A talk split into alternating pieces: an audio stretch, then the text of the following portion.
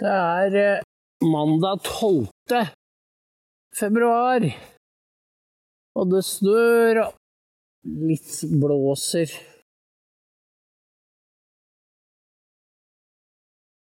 Jeg tenkte vi skulle kalle dette krigen mot Trump, fordi det er det det er. Eh, han hadde et fantastisk møte i eh, Vent litt I South Carolina. På Jeg var vel på lørdag. Eh, jeg begynte å se det. Fordi det er sånn at vi blir Vi er under angrep. Du så Tucker under angrep. Trump under angrep. Og for selv om vi kan ha en intuisjon på hva dette handler om, så må vi allikevel se viktige opptak for å være ikke, ikke fordi vi ikke skjønner hva som skjer, men for å være presise. Og Tucker og Putin, det tok altfor jeg for oss i går. Selv om vi ikke kom gjennom alt, så var jeg veldig fornøyd med den sendingen. Og det er nå all out war mot Trump, fordi de skjønner at han kommer tilbake. Hvis de ikke klarer å dra en kanin opp av hatten. Men hvordan skal de gjøre det? Fordi denne Robert Hør-rapporten på 388 sider, den var en torpedo mot Biden, og han tar inn vann nå under vannlinja. Og båten krenger. Han Jeg tror ikke han overlever det, fordi dette var gjort helt bevisst. Robert Hør gjør ikke sånn uten at han har klarert det, eller kanskje fått instruks om å offentliggjøre detaljene. Og Biden var jo rasende torsdag kveld på at de detaljene glapp ut. Men så er det det, fordi våre medier lyver om absolutt alt. Og så var det de detaljene om at intervjuene med Robert Hør ble gjort altså 8. og 9. oktober, og det var etter angrepet i Israel. Da burde Biden sittet 24-7 sammen med sine medarbeidere nede i The Situation Room for å følge utviklingen. I stedet så satt han og ga et intervju til en spesialetterforsker og jeg tror begge intervjuene varte i fem timer. Og da orker ikke Biden mer, da har han brukt opp kreftene for den dagen. Og det forteller oss noe veldig alvorlig, nemlig at det er ingen på brua. Ikke han som skal ha kommandoen, the commander in chief. Han er fraværende mentalt. Og det forklarer kanskje Det kaster lys over flere ting. Blant annet hvorfor Israel ikke bryr seg om det USA sier og gjør. Fordi de vet at de ikke behøver å ta det alvorlig. De, det heter jo sånn som i dag at Biden har hatt lange samtaler med Qatar, f.eks. Bare tull. Altså, det er noen i sikkerhetsapparatet sikkert som har snakka med Qatar men ikke Biden. Og det som underbygger dette, er jo at um, da Lloyd, Lloyd, Austin, forsvarsministeren, var borte i ni dager, så og Kathleen Hicks, som er viseforsvarsminister, var på Barbados Total meltdown. Så visste ikke Biden om at Austin var borte på jeg tror til sammen ni dager. Og hvorfor visste han ikke det? Det var jo ikke noe feil med kommunikasjonen. Fordi det sitter nemlig noen personer i, et, i kjelleren på Det hvite hus og følger med på alt hvor de viktige personene er. Og blant annet Austin.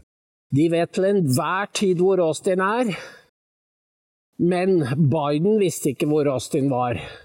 Og hvorfor ikke? Fordi han trenger ikke vite det. Han vet ikke, det fikk vi høre, han vet ikke hvilken dag det er.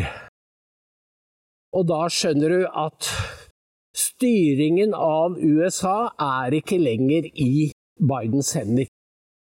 Og dette, her vil det komme frem mer og mer, som vil gjøre det helt umulig for Biden å fortsette. Og når vi da vet samtidig, for det vet vi, at han har hatt tid og overskudd til å orkestrere fire rettssaker mot Trump, så skjønner vi at Biden har foregnet seg, eller de som styrer han. Og nå Hans sak om hemmelige dokumenter er jo mye verre enn den, enn den til Trump. Så det skal bli For å kunne gjøre en skue, skueprosess mot Trump, så må presidenten være tilregnelig.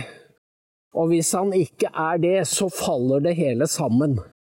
Og det er nemlig fordi dette bygger jo på, det bygger jo på make believe. Altså, publikum tror at det er Biden som står bak, og at han vet hva han gjør. Men hvis de oppdager at han er jo mye mer ikke bare bortreist, men også kriminell enn Trump, så faller jo bunnen ut av rettssakene mot Trump. Og det er det som er i ferd med å skje. Og da, da vil ethvert skudd mot Trump eh, bli en bumerang mot Biden. Og det skjønner jo ikke Det skjønner ikke Josep Borrell i EU. Det skjønner ikke Alexander Stubb i Finland. For disse folkene er besatt av krig. Jeg ser den nye presidenten i Finland sier han skal ikke snakke med russerne før krigen er over. Og Jens Stoltenberg har gitt et intervju til Die Welt, hvor han sier det samme som Carl Bildt, at vi må forberede oss på en krig som skal vare i ti år. Dette er folk som vil ha krig. De vil at samfunnet skal leve i en permanent krigstilstand. Og øke våpenproduksjonen. Og det er klart at da blir Trump en trussel, fordi han kommer til å skape fred, sannsynligvis. Fordi han er forutsigbar, og det er ikke disse gærningene som styrer USA for tida. Og da må de prøve å uskadeliggjøre Trump, men Og det er det mange som prøver på. Annet norske medier, norske journalister. Men nå er de i ferd med å få blowback, altså de får det tilbake i ansiktet. Fordi de kan ikke opprettholde en fasade med en senil president. Dette er fascinerende å følge, fordi vi er de eneste mediet som har holdt styr på USA helt siden 2015. Og de andre har rodd seg lenger og lenger utpå.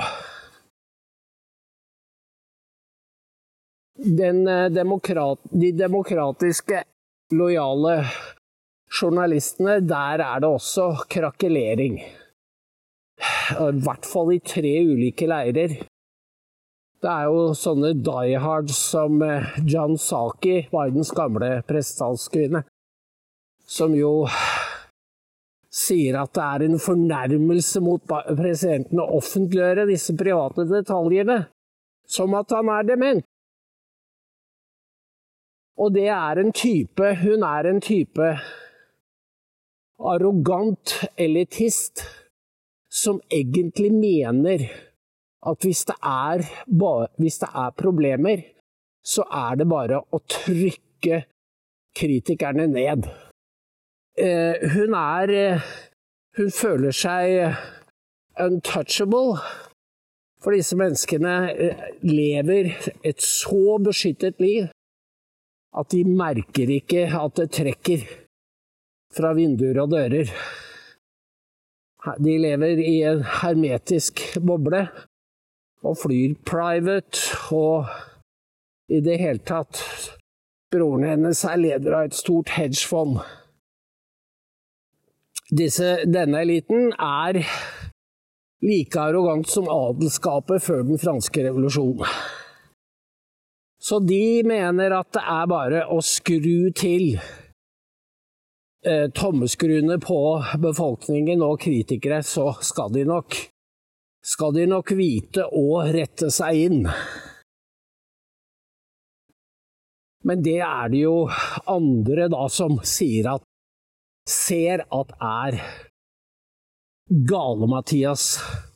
Blant annet en gammel Bill Clinton-medarbeider, James Carville, han ledet jo Clintons valgkamp. Han sier jo at eh, når Biden velger å stå over intervjuet fordi det er altså Presidenten blir alltid intervjuet i forbindelse med Superbowl. Og det intervjuet sendes da samtidig, eller i tilknytning til kampen. Og da blir det sett der liksom 200 millioner eller et eller annet sånt noe. Så det er en anledning som ingen president lar gå fra seg. I hvert fall ikke et valgår. Men Biden gjorde det. Han sa nei takk.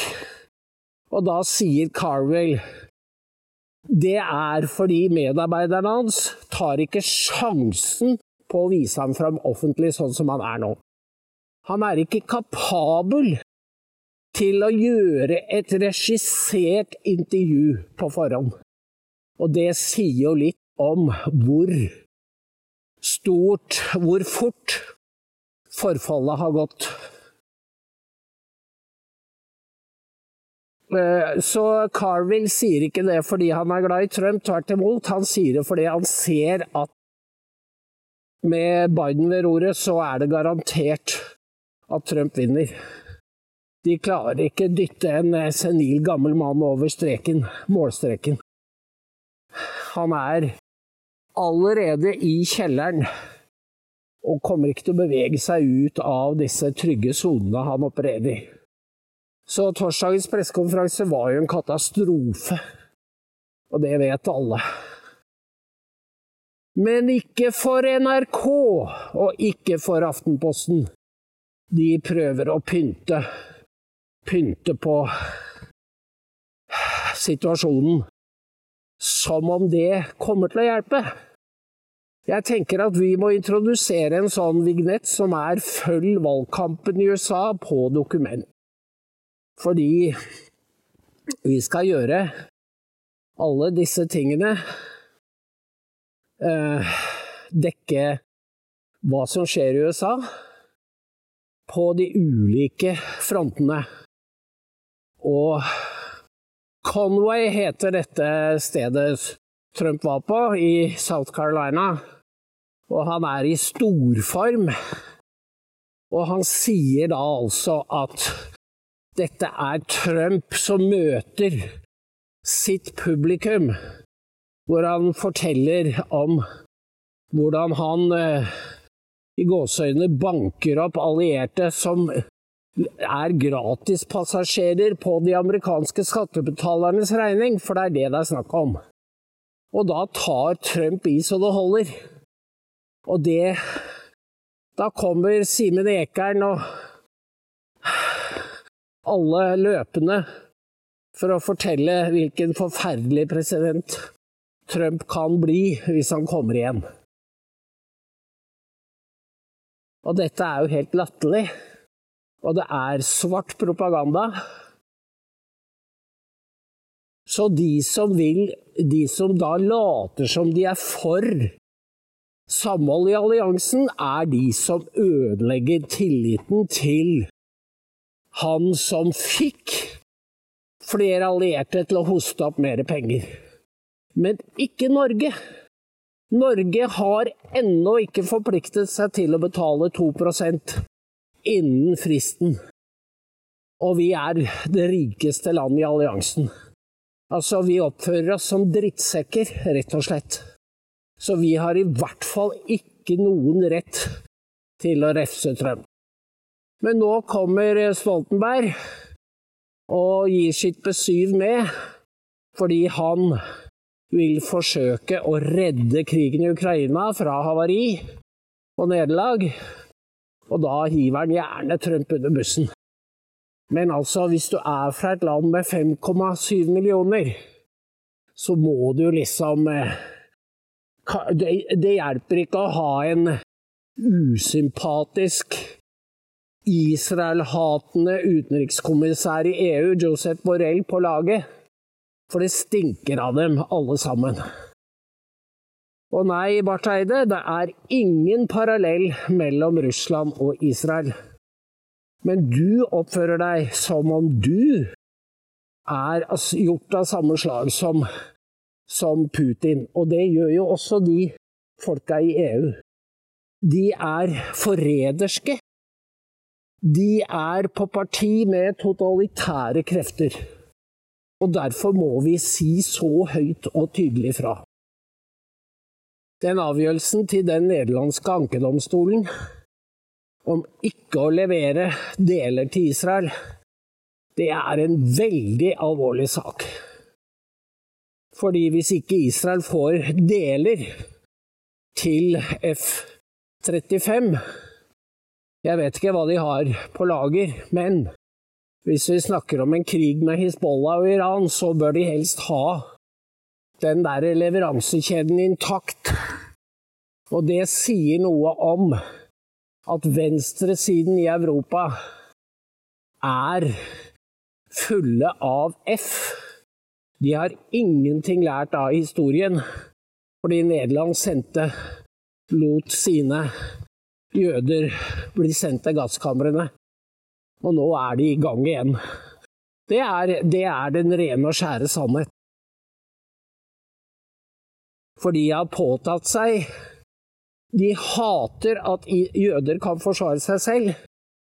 Og når de er obsternasie, så vil de tukte dem. Det er det Europa vil. Men eh, det er noen som kommer til å tukte Europa. Men eh, er, så, dessverre så er det ikke sånne som Borrell eh, som får smake den pisken. Det er vanlig kvinne og mann. Og hvis de ikke oppdager den trusselen snart, så kan det bli veldig, veldig stygt. Nå var det en 16-åring i Tyskland som var slått i hjel av en gjeng. Og jeg vet ikke hvor mange det her er blitt etter hvert. Ingen sammenheng. Våre medier og byråkratene, politikerne, ser De vil ikke se det, eller de vet det godt, men de snur ryggen til. De vender eh, hodet bort, akkurat som de gjorde da jødene ble utkommandert til oppsamlingsplassene under Det tredje riket. Rett og slett.